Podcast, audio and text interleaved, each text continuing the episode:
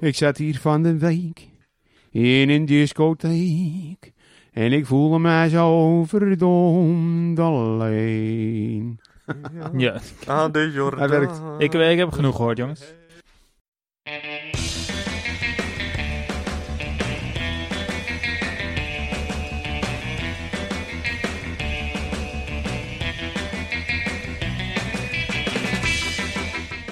Hallo daar, tof dat je luistert naar Studio Magic, de Nederlandstalige podcast over alles wat te maken heeft met Magic the Gathering. Dit is aflevering 6. Mijn naam is Jeroen Koster en bij mij aan tafel zitten wederom Arjan Ang Hoi. en Dave Weigertse. Hallo. Dit is de laatste Studio Magic van 2017 en vandaag kijken we terug op het afgelopen Magic jaar. Nou, laten we maar meteen bij het begin beginnen. Ik denk de eerste week van januari hadden we al een, eh, een banlist announcement. Ja, en dat was, er maar, dat was er maar eentje. Is het nog maar een jaar geleden? Ja, ja, ja. 6 januari denk ik. Nog, nog geen jaar geleden. Bijna een jaar Ja, geleden. Ja, ja. Ja. 6 januari, ja, ja. Nou, er waren alleen maar bannings in dit geval. En eh, eigenlijk het belangrijkste voor het eerst in, nou, wat zou het zijn? De laatste keer was denk ik World Wake, denk ik. Nee, New Fractia was dat. Eh, de bands in Standard, daadwerkelijk. En in ditmaal een ban op Emrakul, The Promised End, Smuggler's Copter en Reflector Mage. Ja, dat veroorzaakte nogal wat eh, opschudding. Volgens mij was Emrakul vooral geband omdat hij, vooral, eh, omdat hij niet leuk was om tegen te spelen.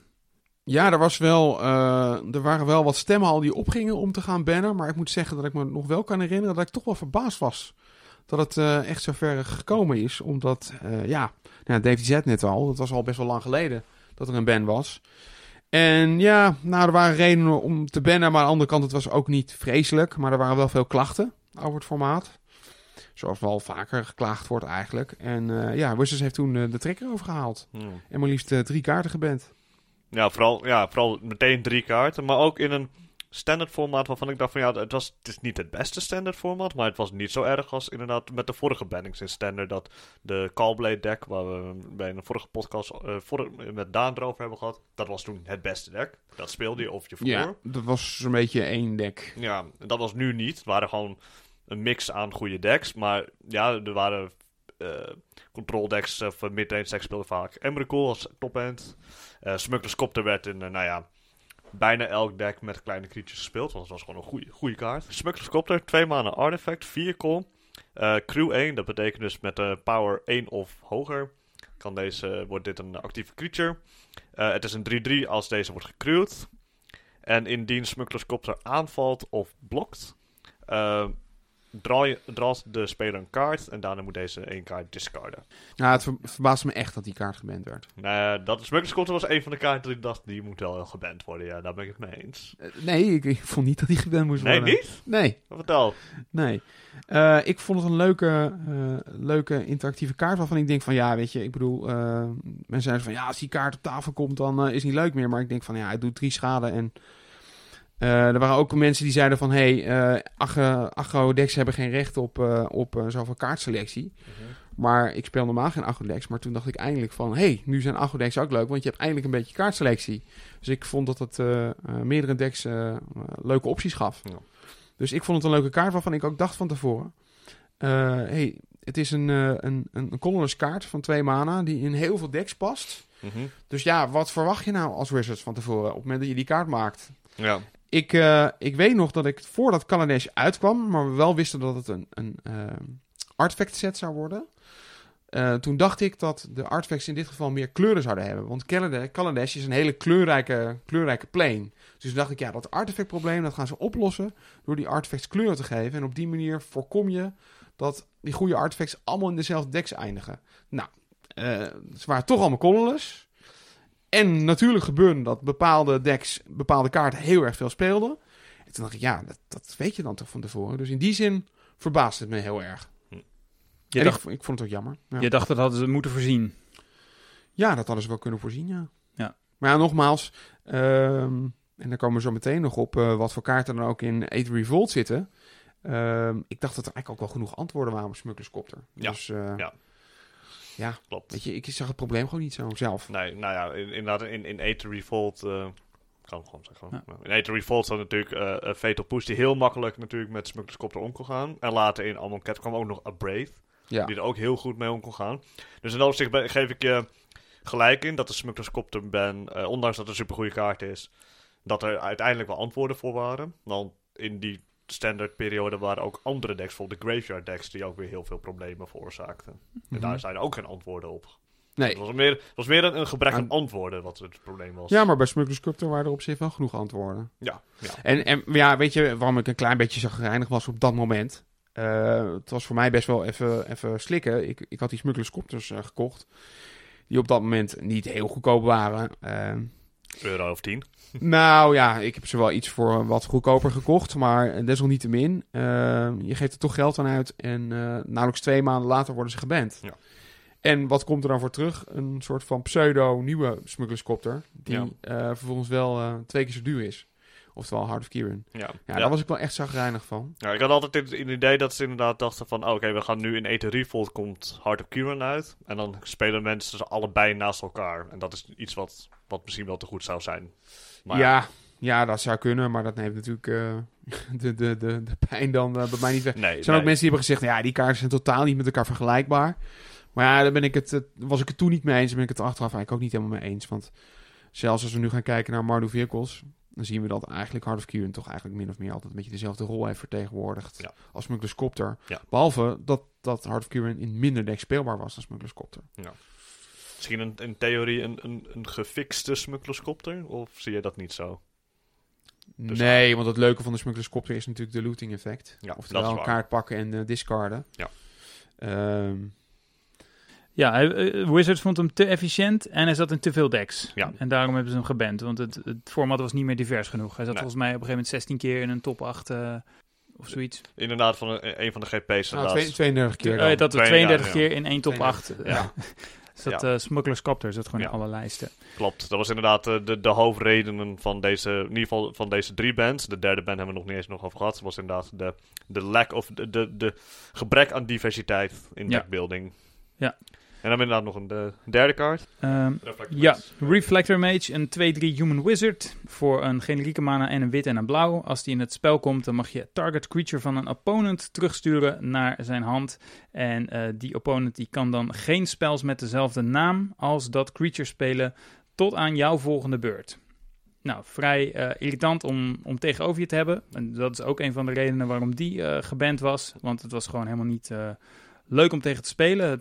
In de tijd dat Collected Company gespeeld eh, eh, werd, eh, zat, zat in veel decks zat ook Reflector Mage. Klopt, dat en was het, ja. dat, ma een, dat was dus de reden dat Collected Company zo irritant was om tegen te spelen. Omdat je dan om de havenklap zo'n Reflector Mage op instant speed om je oren kreeg. Vooral op instant speed, ja. Ja. Ja, volgens mij was een andere reden om Reflector Maze te bannen was dat men eigenlijk vermoedde op het moment dat die andere kaarten, dus eh Emrakul en eh Smuggler's Copter, geband zouden worden, dat dan Blauw-Wit het volledig over zou nemen. Ja. Dus eh, daarom hebben ze ook Reflector Mage geband. Ja. In die zin vond ik dat helemaal niet zo erg, want het was inderdaad een irritante kaart, maar los daarvan, kijk weet je, het is een uncommon, dus eh, ja, het was niet al te pijnlijk. Ja, eh. dat is mi- minder erg dan dat je Flashy, Mythic en Emrakul wordt geband. Of, ja. ja, precies. Ja. Ja. Waar, waar op dat laatste trouwens echt, tenminste ook lokaal, heel veel commentaar was geweest. Dat er juist een, de, de, de Mythic van een Z werd geband.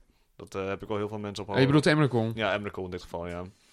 Dat Ja. ja, want het Nou is, ja. zoals je net zei, ook met die kopters, je legt een klap geld neer. Mensen zeggen standaard is de instapset. En dan ga je beginnen en dan heb je net je Emrakul dekje af en dan een week later, ja, pleiten. Nou ja, ze hadden eh, waarschijnlijk eh, ehm, dit probleem op een andere, uh, Emrakul op een andere manier kunnen oplossen. En dat is namelijk door Everburgs Marvel eerder te bannen. Dan was eh, waarschijnlijk niet zo'n probleem geweest. Nee, dat is... Zeker niet als ze iets meer in graveyard interactie in de set hadden gestopt. Ja. Ja. Maar dan slaan we nog even een stap over, want ehm, in april dit jaar werd ook al Dark Guardian geband. ja, en op een, op een hele vreemde manier ook nog. Eh, ja, en eh, eh, nog voordat de kaart officieel uit was zelfs. Nee. Nee? Nee, de kaart was al uit. Oh, oké. Dus Volgens mij was hij net uit en werd hij een weekje gespeeld was op... Nee, nee, nee, nee, nee, nee, want Menno heeft Oh. er nog een GP meegespeeld, namelijk. Die, de, dus een kwartaal, ja, is één set legal geweest. Oh ja. Oh ja, nu weet ik het weer. Ja. Nee, weet je waarom ik dit denk? Omdat eh, de, de ban-speculatie die ging al helemaal los op het moment dat de kaart uitkwam. Klopt. Dus hij was toen nog niet officieel uit. Hij was Ja. wel gespoild. Ja. En toen ging al meteen de geruchten rond van, oh, eh, Hij moet geband worden. Magic, Magic ga- ze gaan hem, Wizards gaat hem bannen. Ja. En dat is uiteindelijk inderdaad niet gebeurd. En dat hebben ze later alsnog Ja. gedaan. Nee, klopt. Hij is inderdaad geprint in, eh, in rond januari, volgens mij. Is E3, eh Zo een 8 Revolt, ja. ja, is eh, E3 Ja. Volt geprint, daar zat hij dus in. Misschien En- kan je uitleggen hoe de Infinite Combo werkt. Ja, ik zou inderdaad. eh nou, Valor Guardian heeft als Enter the Battlefield trigger dat je een permanent mag blinken, zoals ze dat noemen. Oftewel, hij, eh, de permanent gaat van battlefield af en komt meteen weer terug. Ja. En eh, dit is per- elke permanent. Meestal wordt dit op creatures gedaan, maar Valor Guardian is, re- eh, is dus elke permanent. Waaronder dus Planeswalkers. Nou, in Kaladesh, de vorige set, zat uh, Sahili Rai. En Sahili Rai heeft een min 2, waarmee ze zegt: kopieer een creature en deze krijgt haste. Dus wat is de combo? Is we leggen Valor the Guardian neer. Blinken Sahili Rai, die volgens eh, opnieuw haar Planeswalker ability mag gebruiken. Kies Valor the Guardian. Valor the Guardian komt weer terug op het veld. Blink Sahili Rai, doe weer de min 2. En Kortom, je maakt eindeloos eh, kopieën van Vanilla Guardian Ja. met haste en dan een spel in één keer ja, je maakt oneindig katjes met haste. En dan, eh, nou, dan eh, win je. Ja, en die zaten allebei in hetzelfde blok. Ja. In twee opeenvolgende series. En dat heeft eh ja, Wizards eigenlijk over het hoofd gezien, Ja. zou je kunnen zeggen. Met Toch? veel kritiek ook nog, Ja. vooral. Ik, ik, ik moet je heel eerlijk zeggen dat ik... eh, ehm, kijk, hij, de, de, de combo is op een gegeven moment ook geband. Dus we hebben hem niet heel lang meegemaakt. Maar voor de tijd dat eh, de combo in standard heeft gezeten... heb ik me niet heel erg gestoord aan die combo, heel eerlijk gezegd. Ik vond het wel een... eh, nou, ik vond het een prima deck. Maar ik heb er zelf niet mee gespeeld. Ik heb er voornamelijk tegen gespeeld. Maar ik vond het niet heel erg eh, om tegen te spelen. Ik heb hem alleen op coverage gezien, maar ik had altijd wel het idee... van, Ja, iedereen weet dat die combo bestaat. En Mhm. hij is ook vrij makkelijk te disrupten, zeg maar. Als Ja. je er op... ehm, o- o- ja, als je er rekening mee houdt. Je kon zo Ja, hierbij dus- kon je bij wijze van spreken gewoon een respons uh, shocken. Ja, En dan was het gewoon klaar. Dus ja. Ja, toen werd inderdaad de kaart Shock werd inderdaad heel veel gespeeld, puur om die reden inderdaad. ja. het, het voelde... Die band, die band voelde voor mij een beetje... ehm, ja, overspannen. Ja, dat, dat idee had ik ook. Dat Wizards op een gegeven moment dacht van... Oh jee, oh jee, we moeten nu echt een soort van eh crisismanagement. Ja. We moeten nu de problemen aanpakken. En daar was ook wel een reden voor. Want ehm, op dat moment vermoed ik dat de spelersaantallen op FNM's al flink terugliepen. Ja, ja, de standaard stond al heel erg onder druk, mede door die band in januari. Ja, wat dan eigenlijk wel een beetje gek is. Dat er dus eerst bans waren. Mensen toen dachten, hé, hey, mijn deck is geband. Nou heb ik geen zin meer om te. En het antwoord van Wizards was eigenlijk een beetje ergens van... Oh, we gaan nog meer bannen. Ja, Ja, hier heb je een nieuwe set en we bannen meteen iets eruit. ja eigenlijk, eh, nou ja, eh, ehm, wat ik eigenlijk nog het ergst vond van de Valor Guardian ban is de manier waarop het gedaan is. Want we hadden de maandag, was dan die maandag, hij is op een woensdag geband, maar de maandag daarvoor was de officiële ban and restricted announcement. Daar was niet zo heel, was volgens mij no change sinds. Oh ja, er stond, er stond er niks op. Klopt, helemaal ja. niks. Klopt. En eh, nou, eh, internet was volgeladen met eh Wizard, wat, wat is dit? Er zit een Infinite Combo in Standard. Dat kan echt helemaal niet, dat slaat helemaal nergens op.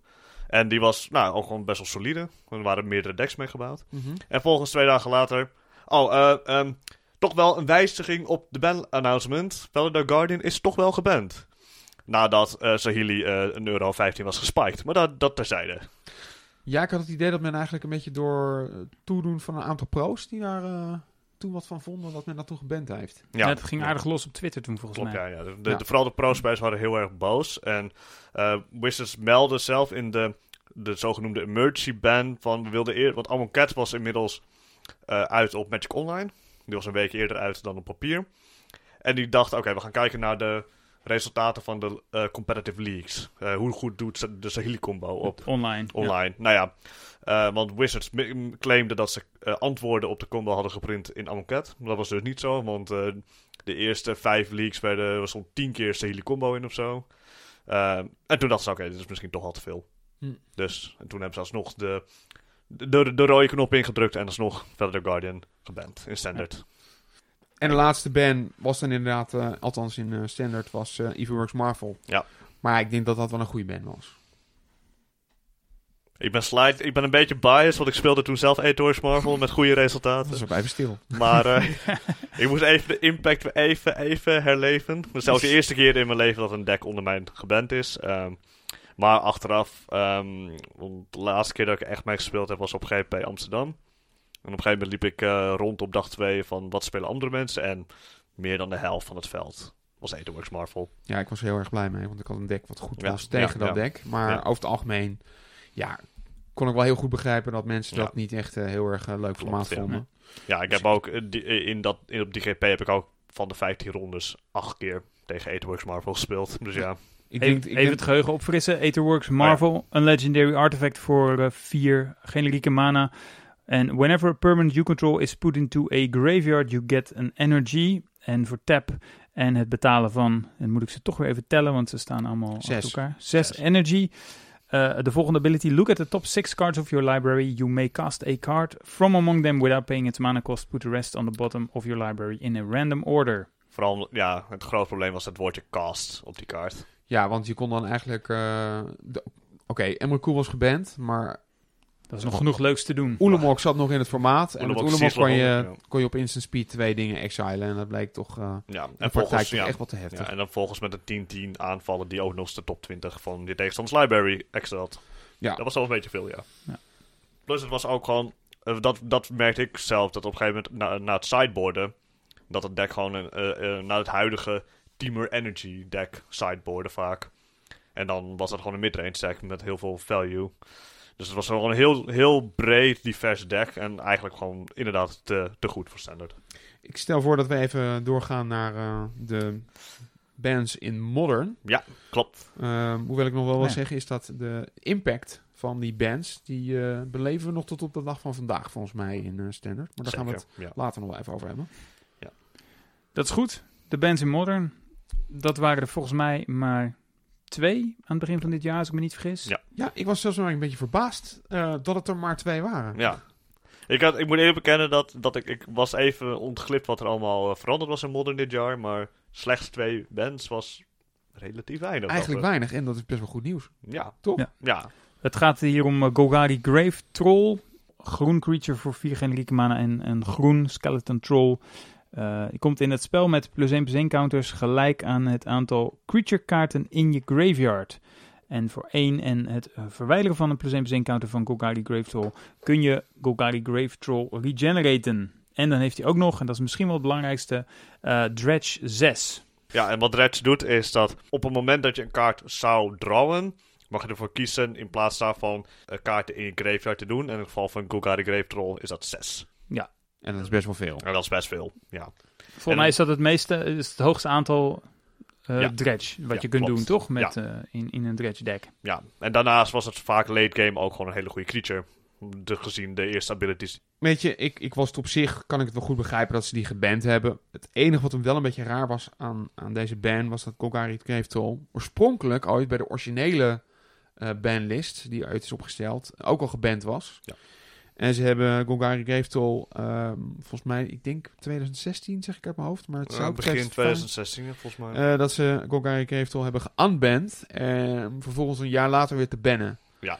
Ehm, Ja, want hij was te goed geworden door het printen van ehm, Cathartic Reunion en Prized Amalgam. Ja. Dat maakte Golgari Grave Troll weer zo goed dat ze dachten, oké, hij moet toch weer weg. Ja, ik, ik ben geen expert met het eh Dredge deck, maar ik heb me wel afgevraagd of Cathartic Reunion dan niet beter geband kon worden. Ehm, ik heb het deck zelf gespeeld eh, een tijdje. En ik ben het mee eens dat Cathartic Reunion een groter probleem is dan Grave Troll. Want ja, dan hebben we het weer over een common van, eh, van 10 cent, die Precies. op dat moment eh, iedereen eh een Ja. beetje gratis kan oppikken. Ja. Een, sorcery, een sorcery voor een rood en een generieke mana. As an additional cost to cast Cathartic Reunion, discard two cards. En dan mag je volgens drie kaarten trekken. Ja. Dus goed om je graveyard te vullen. En dan heb je ook weer een nieuwe, bijna een half nieuwe hand. Ja. Ja. Mijn, mijn leidraad bij bands zou zijn, als je de keuze hebt om een sterk deck tegen te gaan, dan zou ik altijd gaan voor de ban van de kaarten die het minste kosten. Ja. En wat vonden we van Detection Probe, de, de ban? Detection Probe voor een eh, blauwe Fraction mana. Dus die mag je betalen met een blauwe mana of met twee leven. Een sorcery, look at target player's hand and draw a card.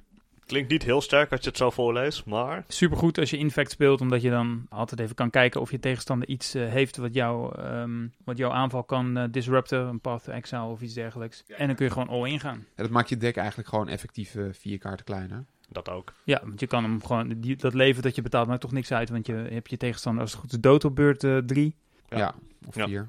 Ja, ik denk zelf dat het wel een hele goede ban was. Want het was, het was wel een issue uiteindelijk. Hm. Gewoon dat je gratis handinformatie had plus een cycle kaart. Dat is wel heel goed. Ja. Dit vind ik echt inderdaad een, een voorbeeld Goeie van een goede ban. Omdat het, het deck bestaat nog steeds. Infect bestaat nog steeds. Ja. Het, het zit natuurlijk in meer decks, maar Infect is toch wel een belangrijke. Zat ook een Death Shadow? eh? Ja, de originele, de oude de- Oh ja. all-in Dead Shadow versie, ja. ja. Ja. Nou ja. En die is inmiddels geëvalueerd tot een, nou ja, een heel ander deck. Maar Ja. het bestaat nog wel, ja. Ja, en het deck bestaat nog steeds en, en doet ook gewoon nog eh, goed mee. Het is alleen, eh, ne- ja, gewoon niet meer zo overpowered als eerst. ja. Maar ook wel En, belangrijk om te weten dat toen Probe werd geband, waren zowel Dead Shadow als Infect wel een van de meest gespeelde decks. Kortom, eigenlijk, dat was een prima ban. Op, Ja. alle, op alle niveaus eigenlijk. Ja, Ja. Ja. maakt het beide decks wat minder eh, dominant. Meer, ja, gewoon inderdaad wat, wat eerlijker. Nou, dan hebben we volgens mij alle kaarten gehad die niet meer mochten dit jaar. Misschien moeten we ook wat eh, kaarten bespreken die erbij kwamen. Want er zijn ook heel wat eh, series uitgekomen. Ja. De allereerste was, eh was Aether Revolt. Uitgekomen op 20 januari. Ik vond eigenlijk maar één kaart echt interessant. En dat was Fatal Push. Omdat die ook zeer goed speelbaar is in eigenlijk alle modern decks die ik speel.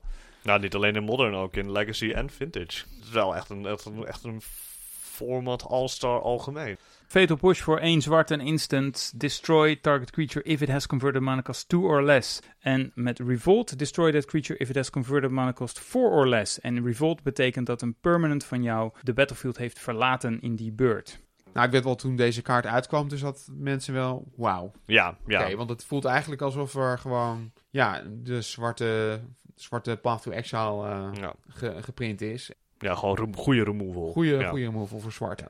En eigenlijk nog het belangrijkste vind ik dat hij een uncommon is. Ja. Want Ja. meestal van... eh Path to Exile is natuurlijk ook een uncommon geweest. Uh, maar Source Explosioners. Ja, dat is allemaal uncommon. Maar heel veel mensen dachten, omdat bijvoorbeeld eh, in een recente historie van een kaart als Heroes Downfall bijvoorbeeld was een rare. Ja. En dat is een removal op rare niveau. Maar dat dat heel veel mensen... Maar waarom? Nou, laten we, laten we Wizards een beetje credit geven. Het zou me niet verbazen als ze voorzien hebben dat deze kaart aan heel veel formaten gespeeld zou Sowieso, worden. ja. En dat ze dan dachten van, nou, weet je wat, we maken er aankomend van. Ja. Maar, Wel een uncommon die duurder is dan een meest rares nu. ja. En ook heel belangrijk natuurlijk, hoewel, hoewel de Revolve niet heel relevant is, is het wel handig dat in, in de Modern en Legacy en Vintage, dat ze, dat ze met fetch-landjes kunnen getriggerd worden. Ja, precies. Want je, je offert je Bloodstain Mire op. Of je crackt je, je Wooded Foothills. En dan eh, zoek je iets met zwart. En dan kun je Fatal Push spelen. Ja, en dan kun je bijvoorbeeld een Tottenseer of zo kapot maken. Nou, ik heb in Standard heb ik nog Evolving Wilds gespeeld om vele push op die manier te kunnen triggeren. Ja. En eh, Evolving Wild wordt ook al gereprint in Rivals of Ixalan. Dus misschien dat we deze interactie nog terug gaan zien. Cool. Rogue Refiner zat ook in Aether Revolt. Mooie kaart. Goede herinneringen. Wat doet hij ook alweer? Eh, even uit mijn hoofd hoor. Eén generiek groen-blauw creature. Eh 3-2 van zichzelf. Als hij de, op de battlefield komt, krijg je 2 energy en draai je een kaart. Wauw. Ja, dat klopt helemaal. Een beetje de Louis Scott Vargas van eh, Studio Magic, die eh, alle kaarten uit zijn hoofd weet. Human Rogue, had je er nog bij Ja, kunnen Human zeggen. Rogue, ja. Ja, het leek een beetje zo'n kaart als je die voor de eerste keer, eerste keer zag. Hoewel ik denk dat veel mensen wel dachten van nou, die kaart is wel echt goed. Maar ik denk dat hij nog beter was dan veel mensen al dachten. Ja, ja. Wat maakt hem zo goed? Het is een, goede bo- een redelijk goede body voor, voor drie maanden. 3-2 in plaats van 2-3. Dat is al vaak al beter. En het feit dat hij een kaart draalt is goed. En die 2 energy. Van, eh, alles bij elkaar. Nou ja, ik, ik denk eerlijk gezegd dat als je diezelfde kaart hebt en je krijgt niet die twee energy, dan is het nog steeds een hele speelbare kaart. In Ja. standard. Laten we het dan hebben over standard. Het is nog steeds een hele speelbare kaart. Echt best wel een goede kaart zelfs. En daarbovenop krijg je dan ook nog twee energy. Ja, en die energy is gewoon stiekem, is dat gewoon, Ja. ja, is gewoon een enorme plus. Gewoon Ja. een enorme plus. Ja, Dus ik, denk, ik, denk, ik denk dat energy als mechanic zijnde wel een van de meest overpowered mechanics is in het vorige en huidige standard blok. ja, dat zou best wel kunnen. Het, het, het is een beetje, een beetje geniepig. Geniepig, want het lijkt allemaal wel mee te vallen, maar ja, Ja. it all adds up. Ja, het is, het is vooral omdat het een, een gratis resource is die een hele grote bonus geeft. We hadden het natuurlijk eh, net al gehad over Aetherworks Marvel. Dat was ook een energy deck uiteindelijk. Ja. En dan kreeg je hele grote bonussen met je energy kaarten. Nou, ik weet niet of je het zou kunnen, zou kunnen stellen dat twee energy, dat dat dan een halve kaart is. Of misschien is het een derde kaart. Ja. Maar als je een drie van dat soort kaarten cast, Ja. ja. dan, Ja. Heb je, dan krijg je dus gewoon gedurende de game, alleen maar door energy spel te casten, gewoon, heb je gewoon kaartvoordeel. Ja. Dat Ja. is gewoon een heel groot verschil. Ja. Ook nog even heel kort in de Modern eh, hebben we ook nog eh, uit eh Either Revolt hebben we Boral Chief of Compliance. Ja. En dat is momenteel eigenlijk de hoofdschuldige voor het feit dat Storm weer keihard een comeback heeft gemaakt in uh, Modern. Heel hard een comeback heeft gemaakt, ja. Brawl Chief of Compliance is een uh, één generiek, één blauw. Creature, Human Wizard volgens mij, uit mijn hoofd. Uh, 1-3. de eerste regel is, alle instant zijn, zijn één generieke mana minder. De tweede regel, ability, is wanneer je een spel countert, draw een kaart en discard daarna een kaart. Ja, That's it. That's it. Ja, ja voor, voor Storm is het natuurlijk het meest belangrijke dat hij gewoon een uh, korting geeft op al je Ja. instants en sorceries. Ja. Erg vergelijkbaar inderdaad met de andere creature waar zo heel veel mee speelde. eh, Goblin Electromancer. Waarvan die, die ook de regel inderdaad heeft dat alle instant sorceries één generieke mana minder kosten. Hey, en, en eh, we hadden dus nu, we hebben nu net gehad over de kaarten die heel veel impact hebben gehad. Maar kaarten die wat minder impact hebben gehad, dat zijn de expertises. Ja. Elke kleur eh, had een expertise kaart die eh, min of meer zei dat als je de kaart kastte, dat je vervolgens dan ook nog een andere kaart met een iets kleinere mana kost gratis mocht casten. Nou, er kwamen allerlei dekideeën naar boven van, oh wauw, en dat het ook allemaal heel goed zou zijn in Modern. Nou, dat heeft het niet echt waargemaakt. En eh, sterker nog, eigenlijk eh, zien al die kaarten in standard ook eh, nauwelijks tot geen play. Ja, en is expertise misschien links en rechts enkele keer vanuit sideboard. Maar voor de rest heeft het heel weinig impact gehad. En Ja. dat is toch ook wel verrassend geweest. Ja, klopt. Ja. Ik weet dat aan het begin waren er inderdaad, zeker in Modern had je... dat, je hebt ook in Modern van die splitkaarten. Ja, Die dan één deel is bijvoorbeeld twee mana. En die kan je dan, kun je dan allebei de kaarten kon je dan casten. Twee, twee kanten van. En dat, dat werd heel veel misbruikt. En daarom zeiden heel veel mensen inderdaad ook van. Daarom zijn expertisekaarten veel te goed. ja. Echter, in, in, met de regelwijzigingen van Amonkhet wordt daar roet in het eten gegooid. Want toen hebben ze daar een regelwijziging gedaan. Dat als jij inderdaad expertisekaart cast en je hebt een fused kaart, zoals ze dat noemen. En de ene kant is 2 mana en de andere kant is 6 mana. Dan is de totale converted mana kost van de kaart 8. Mhm. En sindsdien is dood, want dat kan Ja. niet meer. Nou, dan kan je dus niet zoveel meer casten. Dus het heeft eigenlijk, die nieuwe regel heeft eigenlijk dan uh, Ja, maar het was ook niet, een ja. beetje de nek omgedraaid. ja, het was al niet zo heel bijzonder goed. En die regelwijziging heeft het helemaal. Nou, wie weet eh, krijgen ze nog play te zien. Maar vooralsnog uh, is het uh, erg weinig. Met A to Revolt was eigenlijk het hele Kaladesh blok afgesloten. En met de volgende serie gingen we naar een, uh, een totaal andere nieuwe wereld. We hadden eindelijk een Egyptische set. En die begon met Amonkhet. Uh, release date 28 april van dit jaar. De veel gehypte Egyptische set van uh, Mark Rosewater eindelijk uitgekomen, eigenlijk. En ik vond het in ieder geval qua flavor vond ik het heel erg leuk. En echt uh, goed gedaan in elk geval. Nou ja, de dingen die ik leuk vond aan Amonkhet uh, waren vooral Embalm. Wat eigenlijk meer, toch min of meer een soort van flashback voor creatures is. Uh, oftewel, op het moment dat een creature naar de graveyard gaat, kon je hem opnieuw casten vanuit de graveyard. En dat was wel heel tof gedaan, want uh, er kwam niet de kaart kwam terug, maar er kwam een soort van uh, token kwam dan terug. En dat was diezelfde kaart, maar dan in mummievorm. Ja, ja. dat vond ik wel echt gewoon super mooi bedacht. En uh, wel leuk uitspelen ook. Andere mooie ability die al wat ouder was, maar nu opnieuw in de set was, was Cycling. Uh, cycling zegt, um, geeft eigenlijk een kaart een ability om in plaats van de kaart te casten, dat je mana kan betalen om de kaart te discarden en een nieuwe kaart te trekken. En op die manier kan je mana flood of mana screw uh, voorkomen, want uh, zo hadden we bijvoorbeeld ook landjes die uh, ook cycling hadden. Ja.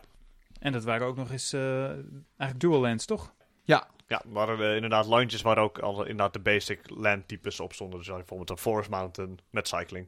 Dus die, die, twee, uh, uh, die twee abilities die waren echt super cool. Maar uh, wat wat minder was aan de set, was dat eigenlijk Amonkhet gewoon als draftformaat gewoon echt super agressief was. Ja.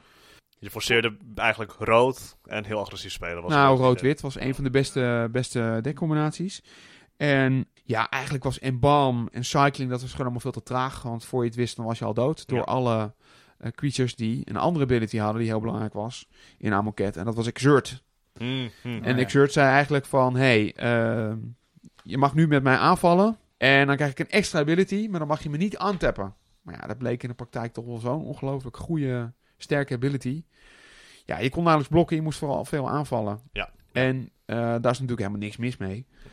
Alleen het was een beetje jammer in Amonkhet dat dat eigenlijk wel het enige was wat je kon doen. Of ja. nagenoeg het enige. Dus dat was jammer. Ja, en ik weet ook, meen ook dat als, als je dan aan de drafttafel zat met acht mensen... en ene iemand drafte dan rood-wit... er was er genoeg support voor een andere speler om ook rood-wit te Nou, dragen. ik zou je nog een verhaal vertellen. Ik heb ehm, ook één perpetu eh top 8 gespeeld in Amsterdam. En er waren drie spelers met rood-wit. En als eentje daarvan niet heel veel pech had gehad, dan hadden er gewoon drie rood-wit spelers in de halve finale gezeten. En uiteindelijk zaten er twee rood-wit spelers in die finale. Ongelooflijk. Eh, dus ja, dat was wel een beetje een, een, een voorbeeld van hoe ongelooflijk sterk rood-wit was eh, in dat formaat.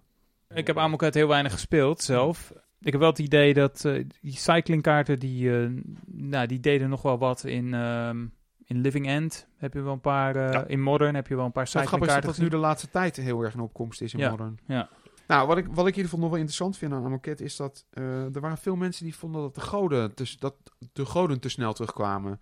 De laatste keer dat we goden hebben gezien was in de set Teros. En ook voor de eerste keer daar. Ik denk dat dat toen dat het in 2015 was, Teros. Ik weet nog heel goed, het was mijn Oeh. eerste Magic set. Dus Een 2013. Eind 2013. 2013 al. Ja. Is dat alweer zo lang geleden? Ja, ja, ja. Nou ja, dat heb je nog verteld in de eerste aflevering van Studio Magic. Jeetje, oké, dus alweer zo lang geleden. Maar desondanks vonden veel mensen de terugkeer van goden toch veel te snel. Ja. Ik had dat gevoel niet zo, maar dat kwam ook omdat de goden, deze goden waren dan toch wel weer heel erg anders. Want die andere goden die werkten met devotion. Ja, dat waren ook allemaal enchantment creatures. Ja.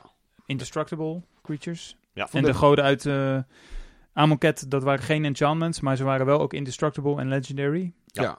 En ze hadden inderdaad eh, nogal, eh, ja, best wel eh, originele abilities. Bijvoorbeeld eh, dat je je hand bijna leeg moest hebben, anders kon je niet aanvallen. Zoals met Hazelred the Fervent. En wat nog meer? Eh Ronald Indomitable.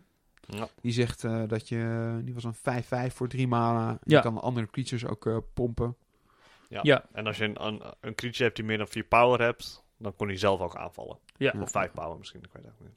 Ja, 4 power. 4 power, Vier ja, power. 4 power. Nou, Hazeged is wel echt veruit de meest gespeelde god van die kaarten. Ja. We hebben nog de witte god. Die heeft nauwelijks play gezien tot voor kort.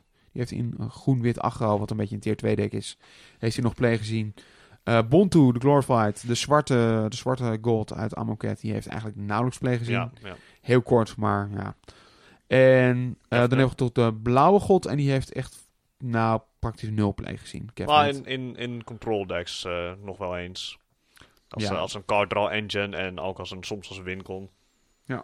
Nou, iets anders wat eh, toch nog wel bijzonder was in Amoket was eh, de terugkeer van de masterpieces. Ja. En het waren in het geval Ja. van Amoket waren dat de invocations. En wat vonden we daarvan, mensen? Super lelijk. Nou, ik ben denk ik een van de weinige mensen die de, ehm, de, master, de invocations mooier vond dan de masterpieces uit, hoe heet het, die we de serie ervoor hebben gezien. Revolt. Ja, hoe heette die ook weer? De Inventions. Ja. Dus de Ja. artifacts die eh, waren gepimpt eigenlijk. Ja, daar had ik toch niet zoveel mee. Ik vond eigenlijk vanaf het moment dat ze gespoild werden, of eh, vooral dat die rare art werd gespoild van die invocations, vond ik het wel... eh, nou, ik was niet meteen overstag, maar ik, ik vond toch wel heel vet hoe ze dat hebben ehm, gedaan. Mooi, ik vond het toch wel een vet design. Nou, wat ik ervan vond. ehm, want heel veel mensen vonden ze ook compleet onleesbaar. Hè? Dat was een grote eh, kritiek. En daar ben ik het eigenlijk wel mee eens. Dat ze compleet onleesbaar zijn. Daar Maar, ben ik het ook mee eens. maar ik, snap wel, ik snap wel de gedachte erachter. Dat het was. Hey, het, is, eh, het zijn Egyptische hieroglyphen. En daarom moeten ze heel moeilijk leesbaar zijn. Dus ze zijn optimaal geslaagd in wat ze wilden doen. Eh, wat ik er wel heel leuk aan vind. Is dat ze gewoon iets heel geks hebben geprobeerd. Ja. En dat heel veel mensen dachten van. Nou, dit vinden we niks. Ja, in het geval van masterpieces, eh, in dit geval invocations, vind ik dat eigenlijk helemaal niet zo erg. Ik vond sommige best wel mooi. Consecrated Sphinx vind ik bijvoorbeeld een hele mooie uitvoering. Maar goed, eh, ja, nou, niet iedereen vond ze even mooi en ik vond ze oké. Nou, ik vond gewoon de gedachte heel vet dat je, tenminste hoe het op mij overkwam, was dat ze eigenlijk voor, eh, voor elk van die, ja, toch wel iconische kaarten een soort monument hadden opgericht. En dat het er ook zo uitzag alsof je in een oude museum van oudheden liep of iets dergelijks. En daar kwam je dan oude magic spells tegen. Zoiets. Ik vond het eh, ja, wel Ja. gaaf gedaan. Ja, wat, wat het idee was dan eigenlijk dat het vooral sorceries en instants waren die... eh, Ja, ook wel een paar creatures. Bijvoorbeeld die gods uit, ehm eh, hoe heet het? Amoket. Amoket, ja. Die zaten er ook in. ja, natuurlijk, ja. Uh, dus die hadden een eigen kaart. Maar het waren veel instants en sorceries inderdaad. Ja, geen, uh, geen artifacts meer. Of uh, land, zoals in het geval van de Battle for Syndicate blok. Uh, nee, inderdaad. Klopt. Het waren geen landjes. Nee, maar ik vond het ook lang niet allemaal mooi. Maar ik vond inderdaad, zoals jij ook al zegt, ik vond het idee wat ze hebben geprobeerd te doen, uh, vond ik Ja, wel echt eh, lovenswaardig. Dat ze dat gewoon durven met iets waar ze toch ja, ook hun geld mee proberen te verdienen. Oké. Oké, nou dat was eh, deel 1 van het, eh, ja, het, Egyptisch, eh, het op Egypte geïnspireerde blok. En de opvolger van Amonkhet was natuurlijk Hour of Devastation. De set die uitkwam op eh, 14 juli van dit jaar. Ja, wederom Egypte en eh, de terugkeer van Nicol Bolas. Want eh, die eh, draakachtige planeswalker die bleek achter een heleboel onheil te zitten. Dat plaatsvond op eh Amonkhet. Eh, Mark Rosewater die heeft eh, enige tijd geleden op Twitter heeft hij een soort van Twitter poll gehouden. En heeft hij aan mensen eigenlijk gevraagd wat hun favoriete planeswalker is. En Nicol Bolas is daaruit naar voren gekomen als de meest populaire planeswalker. Op de tweede plaats kwam eh, Liliana. Maar ik denk in die zin dat eh, mensen wel blij waren dat Nicol Bolas terugkwam. maar ja, klein beetje teleurstellend, want Nicol Bolas heeft eigenlijk nauwelijks play gezien in eh, Standard. Klopt. Ja, en we hebben eerst natuurlijk al de big eh, bad gehad met Emrakul die geband moest worden. Dus misschien is het niet zo heel erg dat Nicol Bolas eh, deze keer niet zoveel play heeft gezien. Maar ergens is het een klein beetje jammer. Ja. Ja, het is ook een beetje waar Daan het eh, in de vorige aflevering over had. Dat ze bewust natuurlijk een heel verhaal eh, creëren rondom zo'n set. En eh, bepaalde story points of karakters die krijgen dan hun eigen kaart. En die willen ze dan wel wat pushen. Ja, soms schieten ze dan Net even te ver door. iets te ver door inderdaad. Ja, met Nico Bolas, ja, dat was natuurlijk best wel een brute kaart. Maar ook vrij lastig om te casten. Dus voorlopig eh, ja, niet echt verrassend dat we hem nog zo weinig hebben gezien, denk ik. Ja. Ja, wat in ieder geval wel heel eh, opvallend is, want eh, net zei ik nog dat eh Amonkhet een super agressieve set was. Hour of Devastation, die maakte dat compleet anders. Ja, het maakte het formaat echt een stuk trager. En je kon nog steeds aggro-deck spelen, en eh, dat is ook prima. Maar je kon ook heel veel andere strategieën spelen, zoals ook eh, vijf, eh, vijf color eh good stuff. En ik vond het echt een onwijs leuke set om te draften. Eigenlijk wel de beste limited set sinds eh Kaans of Tarkier. Ik was er vrij eh lyrisch Dat over. zijn grote woorden. Dat zijn zeker grote woorden. Ja. Ja, Daan was er ook enthousiast over. ja, klopt. Ja. Ja, ook deze set. Ik, ik heb helaas weinig tijd gehad om te, om te draften of om überhaupt limited te spelen dit jaar. Dus eh, over het limited voor, formaat eh, kan ik weinig zeggen wat betreft Hour of Devastation. Nou, wat ook wel leuk was om nog te vermelden, is dat deze set, die deden dus ook andere dingen met Exert. Dus Mm. bij Amonkhet, als een kaart werd geexert, kon je eigenlijk alleen maar bonus krijgen als je aanviel. Maar in deze set zat bijvoorbeeld ook een kaart, een eh, groene kaart, en die was 2-4. En als je die tapte en exerte, dan kon je twee, twee kleuren mana krijgen. In plaats van één. In plaats van één. Dus dat, eh, ja, dat was dan ook een soort van rampkaart. En ja. ja, dat gaf gewoon allemaal extra leuke mogelijkheden. Ja, is een Exert common, was dus. altijd een, een, had altijd te maken met tappen. Hè? En dat hij dan, eh, als je het creature had, eh, die ability had gebruikt met Exert, dan kon je hem de volgende beurt niet untappen. Dan moest je één beurt wachten. Omdat Ja. dat creature zich zo had uitgesloofd dat hij eh, hartstikke moe was. Wat Hour of Devastation ook een, eh, een goede set maakte in mijn ogen, was dat ze een eh, serie common landjes hadden die konden cyclen. En ja, en dan kon je eigenlijk gewoon in elke kleur kon je een beetje min of meer voorkomen dat je mana raakte. Ja, dat gaf toch wel meer play aan alle games. Ja, maakt het wel wat leuker. Nou, en een van de meest eh, impactvolle, impactvolle kaarten uit Hour of Devastation, in, zeker in Constructed, is uh, geweest. Ja, hele sterke kaart voor een standard. Ja, in Modern heeft hij niet echt play gezien. Ik weet niet of de kaart wat in, eh, in Commander heeft gedaan, maar ik kan me goed voorstellen dat het ook een goede Commander is. Ik heb uit bronnen gehoord dat hij inderdaad in Commander inderdaad goed, goed impact maakt. Oké. Dat is ook een hele goede Commander aan zich. Ja, voor mij waren alle drie die eh, kaarten best wel eh, goed. Ja, de Locust God is ook goed. Die speel ik zelf ook niet als commander, maar wel in een commander deck. En dat is te gek. Dan krijg je Locusts op het moment dat je kaarten trekt. En je draalt waarschijnlijk heel veel kaarten in jouw Eh, Commander. Je trekt heel veel kaarten in mijn deck, ja. En wat was de derde ook weer? De Scorpion God. En dat was met... Counters. Je kon min 1, min 1 counters op Oh ja, creatures leggen. En als er dan een creature doodging met min 1, min 1 counters, dan mocht je een kaart trekken, dacht ik. Hm. Ja, die heb ik zelf niet gespeeld. Dat is volgens mij ook de minst gespeelde van de drie. Ja, het is wel jammer, want het is wel een leuke kaart. Maar ik heb er nog wel vaker naar gekeken. Maar ja, hij, is, hij ligt niet zo goed in de markt. Nee. Maar op zich is het een leuke kaart. Ja. En een andere set die dit jaar uitkwam was Commander 2017. En eh vooral onze Commander-liefhebber Jeroen weet daar meer van. Dat klopt. Op eh, 25 augustus van dit jaar is er weer een nieuwe Commander set eh, uitgekomen. En dat eh, doet Wizards eigenlijk de afgelopen paar jaar stevast. Dat ze een Commander set uitbrengen. Eh, en dat is toch altijd wel weer een, eh, een hoogtepuntje in het Commander-jaar. Want het zijn eigenlijk gewoon eh, een paar pre-constructed decks. Tot voor kort waren het steeds eh, eh, vijf Commander-decks die dan uitkwamen. Dit keer waren het er vier. Waarom dat precies is, dat weet ik ook niet helemaal. Maar eh, ze hebben wel, eh, alle kleuren zijn wel vertegenwoordigd. Want het waren, dit jaar waren het allemaal tribal decks. Ja. Eh, er waren, was een Cats deck. Dat klopt. Een groen, een groen-wit cat deck. Een Mardu gekleurd vampieren deck. Dragons. Dragons, dat was alle kleuren. Echt alle vijf? Alle vijfde kleuren. Oké, spannend. En, oh ja, Wizards, ja. Wizards. Eh, Laten we die vooral niet overslaan. Grixis had Wizards, inderdaad. Ja, best wel originele invalshoek, vond ik zelf, om ehm eh, Commander decks op te baseren.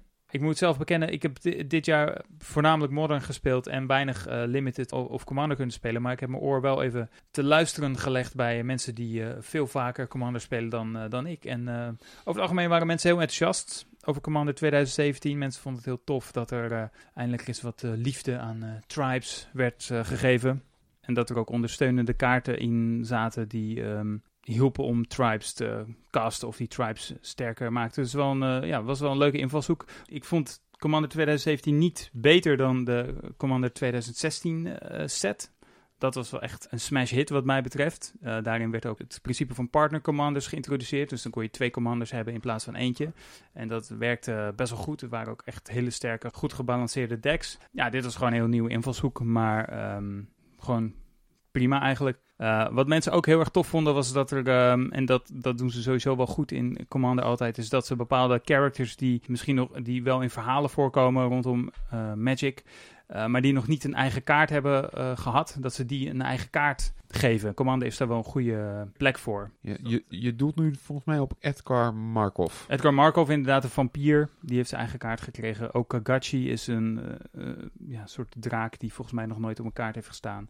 Volgens mij hebben ze Taigam, als ik dat goed uitspreek. Die hebben ze ook een kaart gegeven, toch? Ja, dat klopt, ja. Dat was ook wel, dat was wel een character. Ja, het was een hele slechte kaart in Limited eigenlijk. Taigai Scheming. Ja, klopt, maar ja. eh, er waren een paar van die kaarten dat je denkt van, ja, wie is dat dan? Wie is dat dan? En die had toen, in, vooral die verhalen van Khans of Tarkir, die vond ik toen wel leuk om te lezen.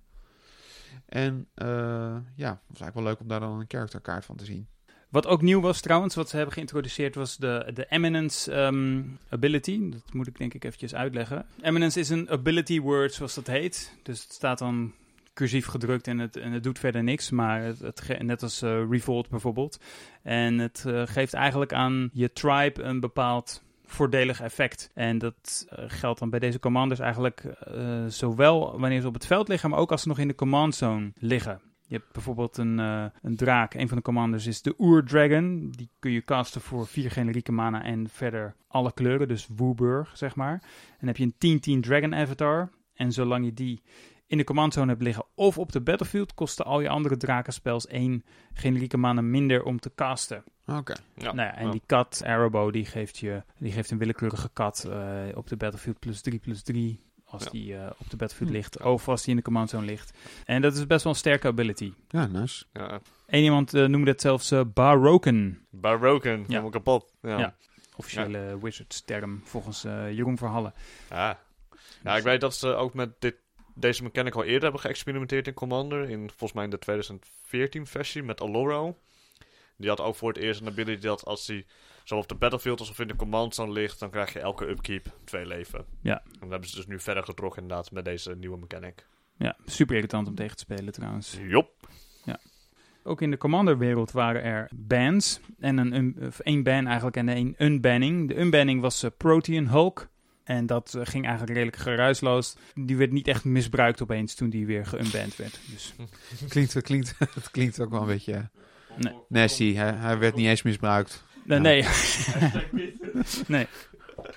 Maar ja, voor, eh voor, voor Commander begrip inderdaad werd die, is die niet zo heel sterk. Wat eh, mensen wel heel erg logisch vonden dat hij geband werd, dat was eh Leovold, Emissary of Trest.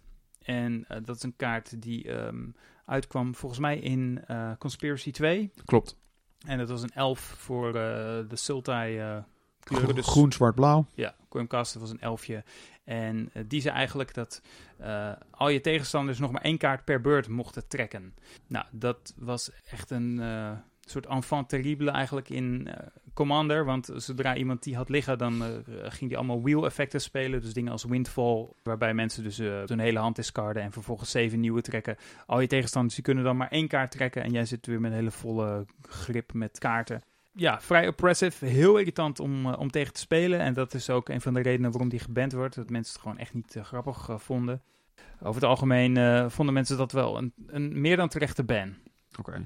Dan was er nog het nieuws waar we het twee afleveringen geleden al over hebben gehad. Dat eh, Unstable en Unhinged en Unglued tijdelijk legal zijn. Eh dat is op dit moment in eh, Commander. Dus tot, eh, wat was het ook weer, 14 januari, 15 januari. Dan mag je die spelen. Ja, goed, dat vinden mensen prima. Dat is gewoon iets wat je per playgroup bepaalt. En daar hebben we het toen ook al over gehad. Het levert vooral wel grappige, grappige decks op. Eh, mensen die dingen proberen, maar niet, niet per se dingen die, eh, die super, eh, super sterk zijn. zijn. Nee. Nou, ik verwacht ook dat als ze straks weer quote-unquote geband zijn, dat er nog playgroups zullen zijn van, oh, dat was best wel leuk, we gaan gewoon daarmee verder. Het zou me ook niet verbazen als dat een beetje de opzet is. Ja. Of dan, kijk, je wil gewoon even proberen van, hey, eh, hoe pakt dit uit? Is het leuk? En ehm, nou, ik zou me kunnen voorstellen dat als commanderspelers dit breed oppakken, dat dat ehm, tot een snellere nieuwe aanzet zou kunnen leiden. Ja, dat zou goed kunnen, ja. En toen hadden we natuurlijk eh, op 30 september Ixalan. Nou ja, wat een beetje bijzonder was aan Ixalan was in aanloop naar die set toe, was al duidelijk, de set gaat over piraten en dinosauriërs. Nou, ik heb toch best wel wat mensen gesproken die dachten van, nou, dat is wel een hele gekke combinatie. Eh, best wel maf, is dat leuk.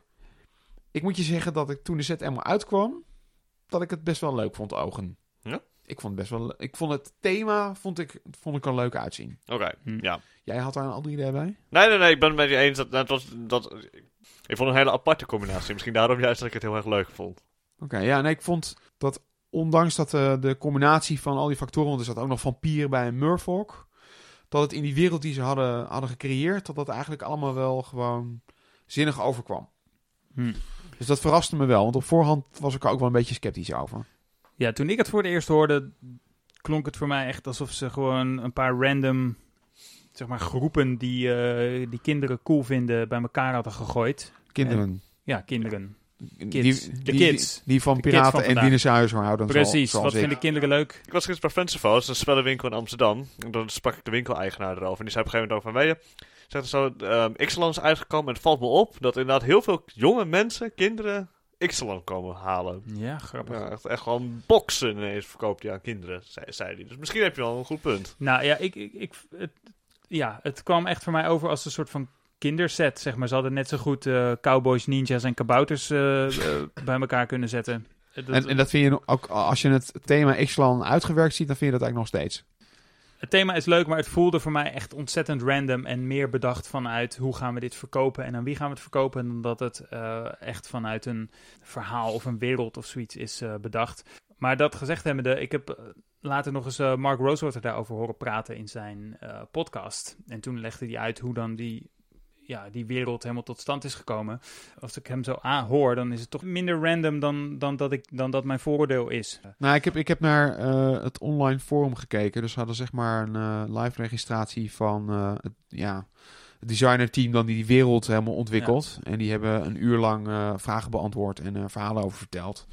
Ja, en dat vond ik op zich allemaal, ja, vond ik wel een goede indruk maken.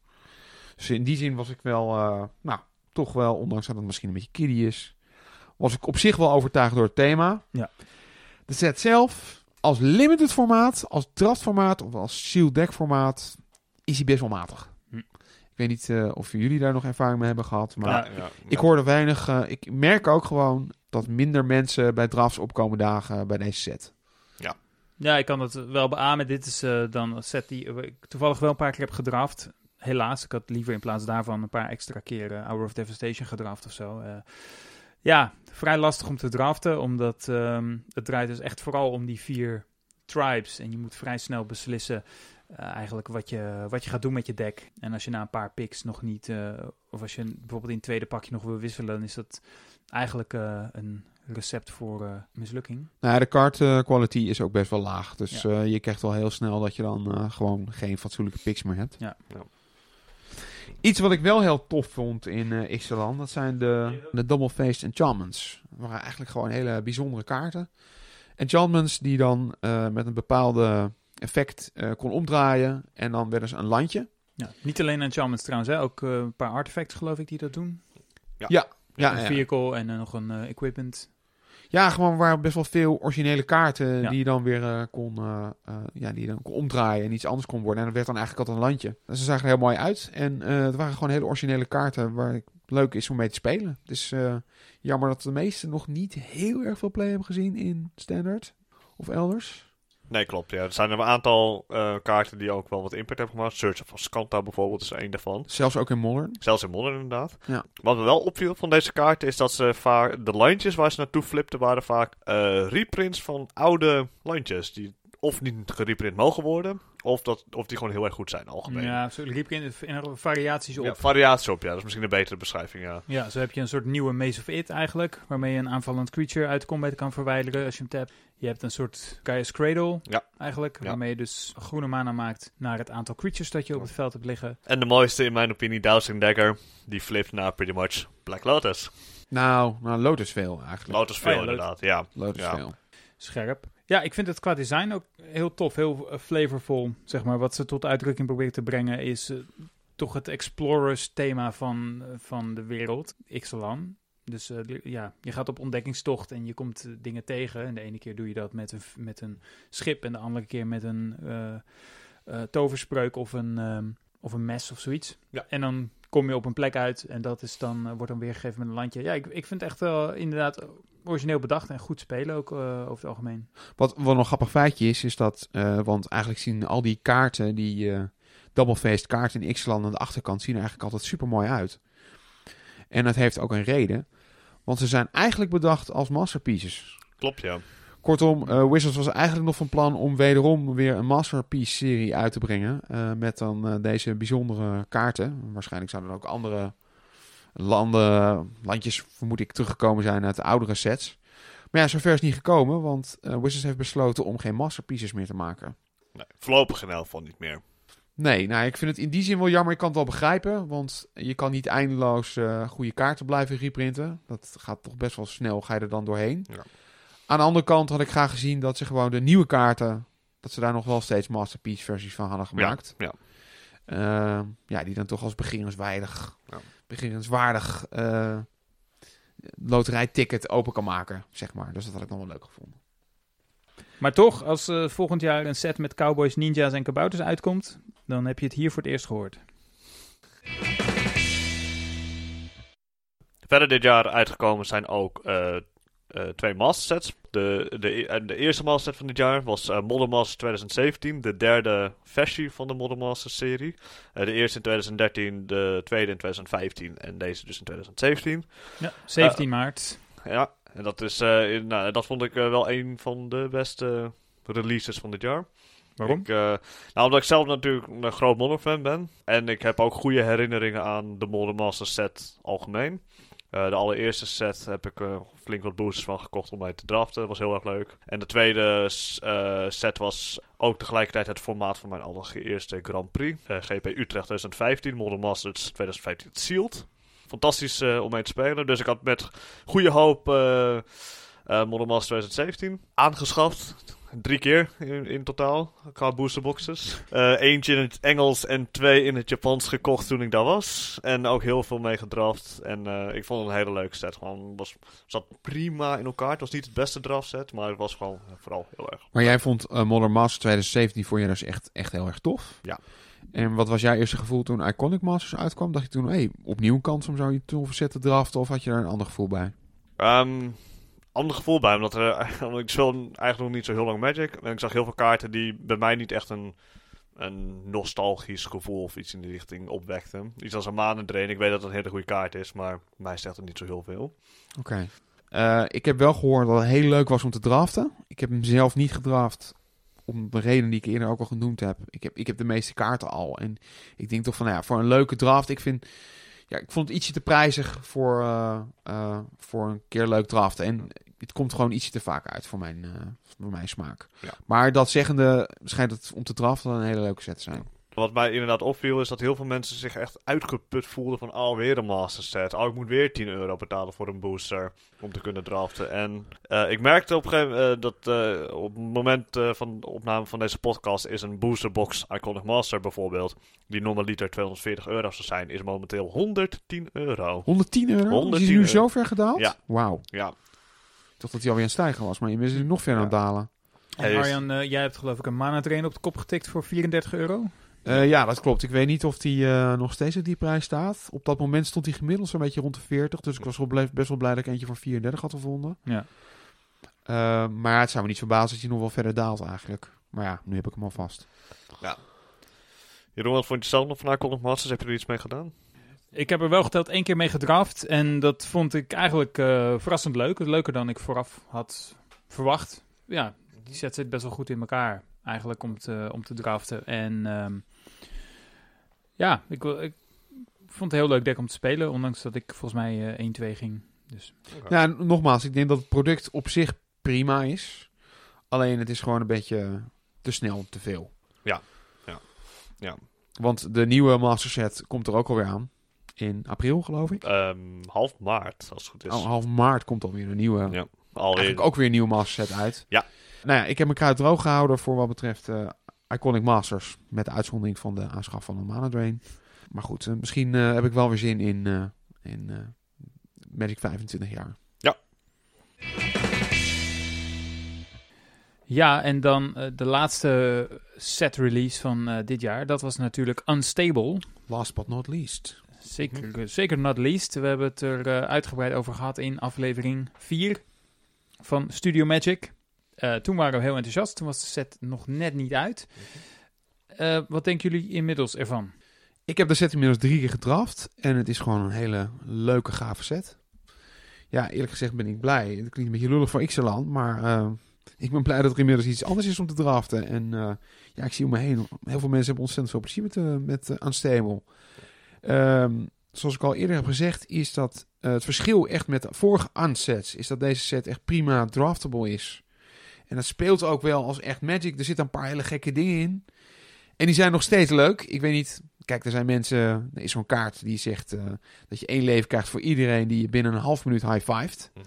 Nou, dat is één keer heel leuk, twee keer heel leuk, drie keer heel leuk. Ik weet niet of dat na twee weken nog steeds heel erg leuk is. Maar over het algemeen zitten er ook gewoon heel veel kaarten in die gewoon wel bijzonder zijn, maar spelen als echte kaarten. En uh, ja, ik vind het een hele leuke set. Ja, ik, ook. Ik ben heel enthousiast over. Uh, hij kwam op 8 december uit en de maandag daarna heb ik er voor het eerst mee uh, gespeeld. En dat was de dag dat heel Nederland bedolven lag onder een dik pak sneeuw. Maar er waren toch een stuk of 16 spelers, geloof ik. gek genoeg om door weer en wind naar ons lokale spellencafé te, te komen om daar te draften. En ik was er één van. en ik had ook echt het idee dat mensen heel erg graag een stable wilden spelen. Dat de verwachtingen hoog gespannen waren. En uh, mensen hadden volgens mij ontzettend veel lol uh, op die, uh, die avond. Ja, ik ook. Ik vond het ook super leuk. Ik heb daarna nog een keer gespeeld met vrienden. Um, het enige wat ik denk is, misschien zijn die contraptions wel een stukje, misschien een stukje te goed. Ik weet niet wat jullie daar, ervaring daarmee is, maar ik heb toch wel vrij veel potjes gespeeld die redelijk om, om de contraptions draaiden. Uh, ja, ik probeer eigenlijk als ik een deck draft zoveel mogelijk contraptions, goede contraptions. En dan ja. zoveel mogelijk manieren om ze zo snel mogelijk in het spel te brengen. Ja. Ja. Dus misschien uh, dat je daar wel een uh, goed punt hebt. Ja, ik zat een beetje in dubio. Het, het is wel een vrij toffe mechanic natuurlijk. En die contraptions zijn dus die artifacts die je in een apart side deck eigenlijk uh, stopt. En die, uh, als je het goed doet, dan kun je die gedurende het spel neerleggen. En dan hebben die effecten zoals creatures pompen of tokens maken of dingen lifelink geven. Ja, best wel nuttig. maar ik moet dan steeds aan Mark Rosewater denken, die op een gegeven moment heeft gezegd, volgens mij vlak voordat of vlak nadat de set uitkwam, van oké, okay, bedenk wel, het is vooral bedoeld, deze set is vooral bedoeld voor de lol. En als je op een gegeven moment in een uh, potje zit uh, en je moet een keuze maken tussen ga ik nu de play maken die mij zeker de game gaat winnen of moet ik de play maken die gewoon super hilarisch grappig is. Doe dan gewoon datgene wat super hilarisch grappig is. Want het idee is dat als jij dit een avond gespeeld hebt, dat je naar huis gaat met het idee: wauw, ik heb echt coole dingen gedaan. En niet met het idee van: yes, ik heb uh, drie mensen verslagen. En ja, ik ben, ik ben 3-0 gegaan. Ja, nee, dat, uh, dat uh, snap ik heel goed. Dus ik zit toch een beetje altijd in twee strijd als ik dan aan het draften ben. Ja, moet ik dan nu die goede contraption nemen? Of uh, die ene kaart waarmee ik door het café moet gaan rennen en high fives moet uitdelen. Of mijn hoofd op tafel moet leggen om een creature te destroyen. Ja, het, het grappige is dat ik eigenlijk de eerste draft heb ik echt geprobeerd om een beetje een gek, gek deck te draften. Waarvan ik denk, hey, ik ga leuke dingen doen. Hm. Maar ja, toen vloog ik dus echt kei, keihard. dus ja, dat is voor mij dan toch de laatste keer geweest dat ik zo'n idioot deck heb geprobeerd te draften. Dat is ja. dan ergens natuurlijk ook wel weer een beetje jammer. Ja. ja. Goed, maar over het algemeen dus heel eh, enthousiast over Unstable. Nee, ik denk dat de set eh, in alle, allerlei aspecten een eh, groot succes is. Ja, daar ben ik mee eens. Bij eh, een, een terugblik aflevering op het afgelopen Magic jaar horen natuurlijk ook toplijstjes. Dus eh, Arjan, Dave en ik hebben alle drie een persoonlijke top 3 gemaakt van Magic. Ja, dingen, gebeurtenissen, producten. Eh, ik ben heel benieuwd wat er gaat gebeuren. Ik dacht dat het aardig was dat jij zou beginnen. Ah, dat wil ik best doen.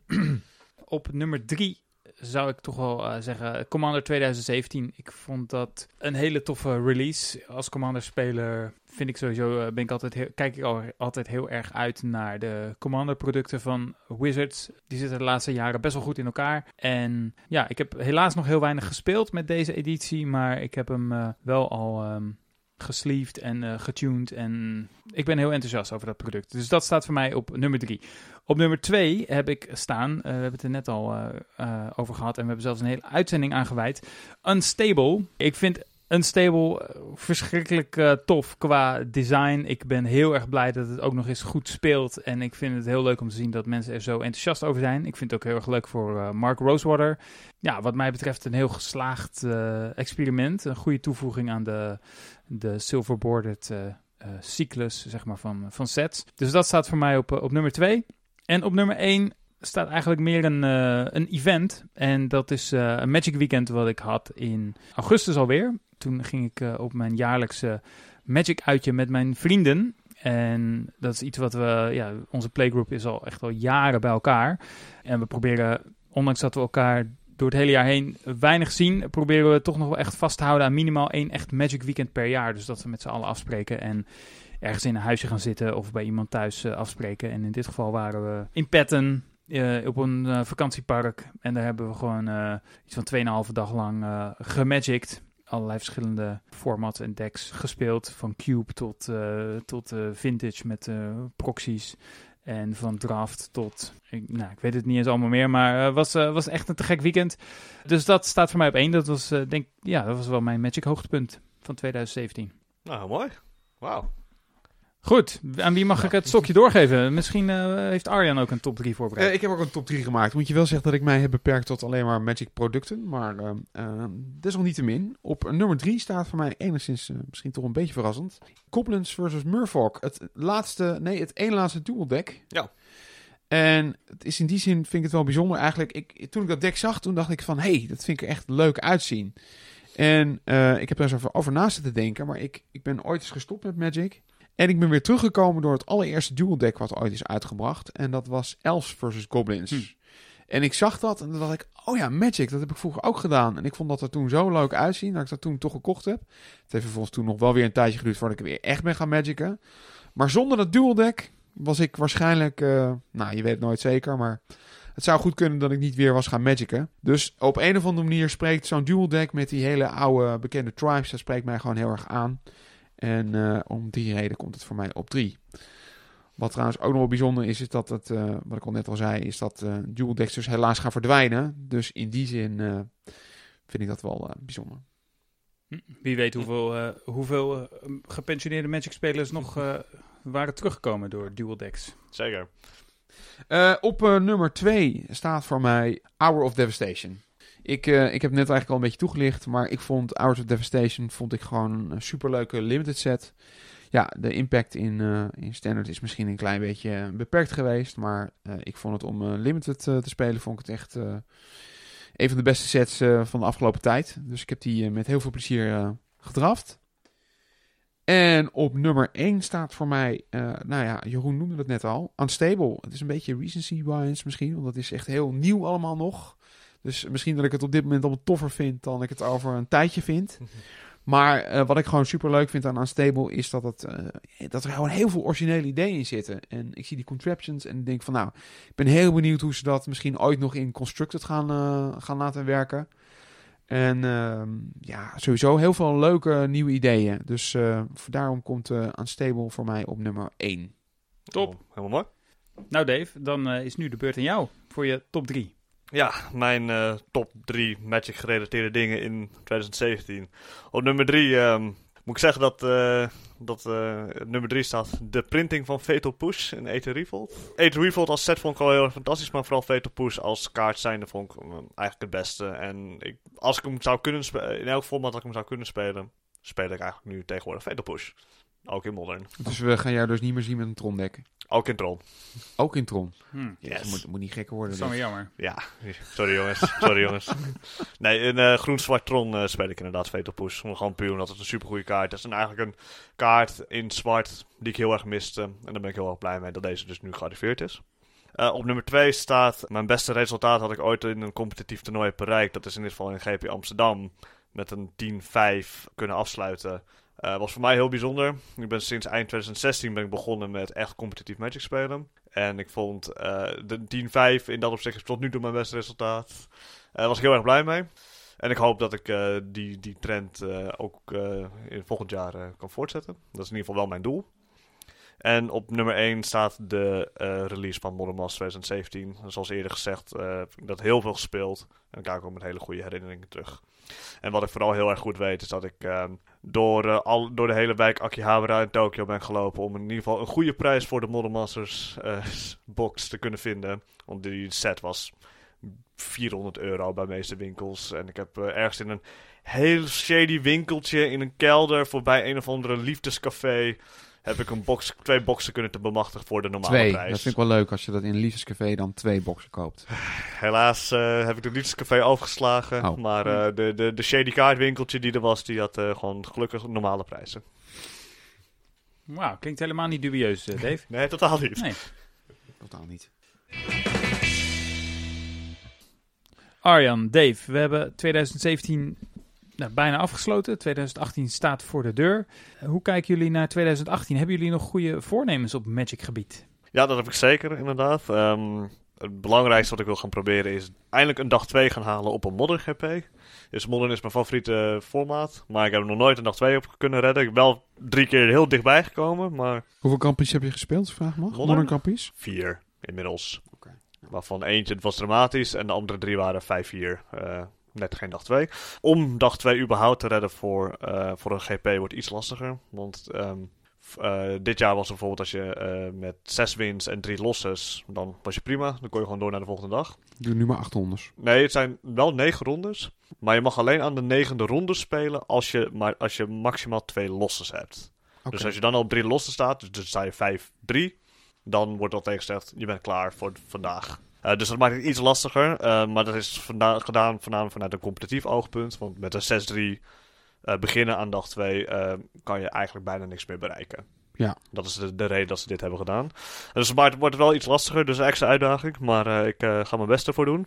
En verder is voor mij belangrijk voor volgend jaar om een nieuw modern deck te gaan zoeken. Ik speel al een hele lange tijd Tron. En met veel plezier. Maar ik word tijd om, om iets nieuws te gaan zoeken. En ik heb wel al heel veel uitgeprobeerd, maar ik heb nog niks ehm, vastgezet. Dat zijn eigenlijk mijn twee belangrijkste punten voor volgend jaar. Burn is geen blijvertje. Eh, denk het niet, nee. Eh, maar hoe dan ook, ehm, ik hoop eh, volgend jaar een, eh, mooi deck naast mijn Tron deck eh, te kunnen vinden. En die natuurlijk ook uit te foilen. maar dat Ja. terzijde. Ja, ik denk mijn Magic voornemens zijn ook vooral een soort eh, doelen eigenlijk. Afgelopen jaar had ik een beetje als doel om eh, eindelijk eens een keertje een FNM eh, te, te winnen, want dat was me nog niet gelukt. Ehm, nou, inmiddels wel, met verschillende decks, dus dat is, Woehoe! dat is vet. Ehm, maar wat me nog niet gelukt is, is om een keer top 8 te halen op een PPTQ of een ander groot of middelgroot toernooi. Eh, dus dat is eigenlijk mijn voornemen voor het komende jaar. Om eh dit wat beter te doen op eh, het competitieve niveau. Ik hoef niet per se een dag 2 te halen. Ik voorzie ook niet dat ik aan heel veel Grand Prix zal kunnen gaan meedoen qua tijd. Maar af en toe een zaterdagje een PPTQ spelen, dat, dat moet toch wel tot de mogelijkheden behoren. Dus ik hoop daar wat beter te gaan dan, dan tot nu toe. Ja, mooi. Ja, eh, ik weet het eigenlijk nog niet zo goed. Ik, ik moet zeggen dat ik eigenlijk bijna niet meer echt competitief Magic speel sinds de PTQ's zijn verdwenen, min of meer. Zijn dus vervangen door de PPT PPTQ's. Sindsdien speel ik eigenlijk niet zo heel veel competitief Magic meer. Maar ik heb het afgelopen jaar wel de GP Amsterdam gespeeld. Het ging best wel goed. Ik ging daar toen 11-4. Met een uh, zelfbedacht deck wat ik om vier uur s morgens uh, diezelfde nacht voor de GP heb afgemaakt. Zoals gebruikelijk in jouw geval. Uh, dat, was, nou, dat was best wel aardig. En ik zit erover te denken om meer GP's te gaan spelen. Ik speel eigenlijk bijna nooit GP's. maar of ik dat echt ga doen, dat weet ik nog niet.